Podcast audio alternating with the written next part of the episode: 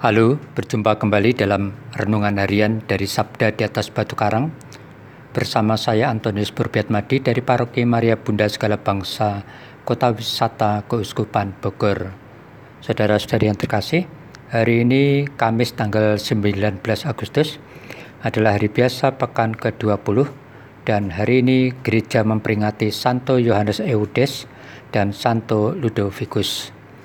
Bacaan liturgis pada hari ini Bacaan pertama diambil dari kitab Hakim-Hakim pasal 11 ayat 29 sampai 39a dan bacaan Injil dari Injil Matius pasal 22 ayat 1 sampai dengan 14 yang demikian bunyinya. Pada suatu waktu, Yesus berbicara dalam perumpamaan kepada banyak orang. Hal kerajaan surga seumpama seorang raja yang mengadakan perjamuan kawin untuk anaknya. Ia menyuruh hamba-hambanya memanggil orang-orang yang telah diundang ke perjamuan kawin itu, tetapi orang-orang itu tidak mau datang. Ia menyuruh pula hamba-hamba lain pesannya, katakanlah kepada orang-orang yang diundang itu, sesungguhnya hidangan telah kusediakan, lembu-lembu jantan dan ternak piaraanku telah disembelih semuanya telah tersedia. Datanglah ke perjamuan kawin ini. Tetapi orang-orang yang diundang itu tidak mengindahkannya. Ada yang pergi ke ladangnya, ada yang pergi mengurus usahanya, dan yang lain menangkap hamba-hambanya itu, menyiksanya dan membunuhnya. Maka murkalah raja itu, lalu menyuruh pasukannya ke sana untuk membinasakan pembunuh-pembunuh itu dan membakar kota mereka. Sesudah ia berkata kepada hamba-hambanya, perjamuan kawin telah tersedia, tetapi orang-orang yang diundang tadi tidak layak untuk itu. Sebab itu, pergilah ke persimpangan-persimpangan jalan dan undanglah setiap orang yang kamu jumpai di sana ke perjamuan kawin itu.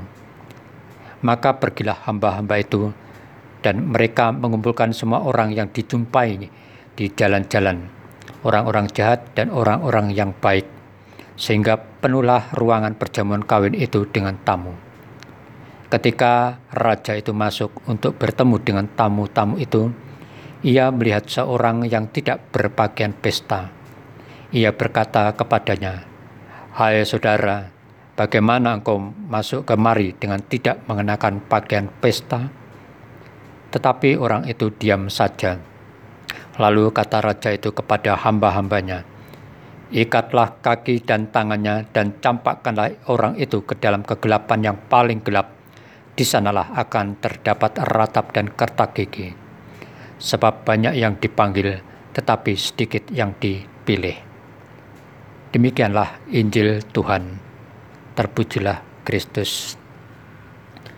Saudara-saudari yang terkasih, bacaan hari ini mengajak kita untuk menanggapi undangan Allah dalam situasi pandemi seperti sekarang ini, bisa dimaklumi jika kita tidak bisa memenuhi undangan untuk datang ke suatu hajatan.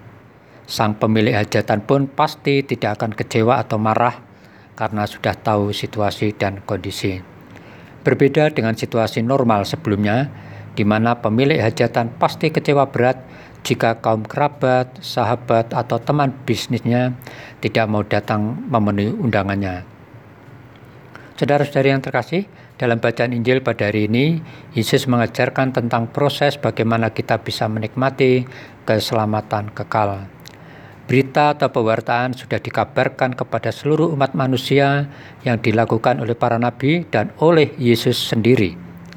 Ibaratnya suatu undangan pesta yang mewah, tawaran keselamatan yang Yesus sampaikan pun ternyata dicuekin, tidak ditanggapi bahkan ada yang dengan sikap angkuh dan terang-terangan menolak tawaran keselamatan Tuhan tersebut. Saudara-saudari yang terkasih, sabda Tuhan hari ini mengingatkan kita semua bahwa hanya sedikit orang yang terpilih untuk mewarisi kerajaan surga. Oleh karena itu, sebagai orang beriman, mari kita menanggapi panggilan atau undangan Allah hari ini dengan sikap bertobat dari keberdosaan kita dan kita tingkatkan iman kepercayaan kita kepada Yesus, Sang Juru Selamat. Ya Yesus, Semoga aku memiliki pakaian pesta, yakni kesiapan iman yang benar akan diko, sehingga aku pantas menikmati perjamuan surgawi bersamamu dalam kerajaan surga. Amin.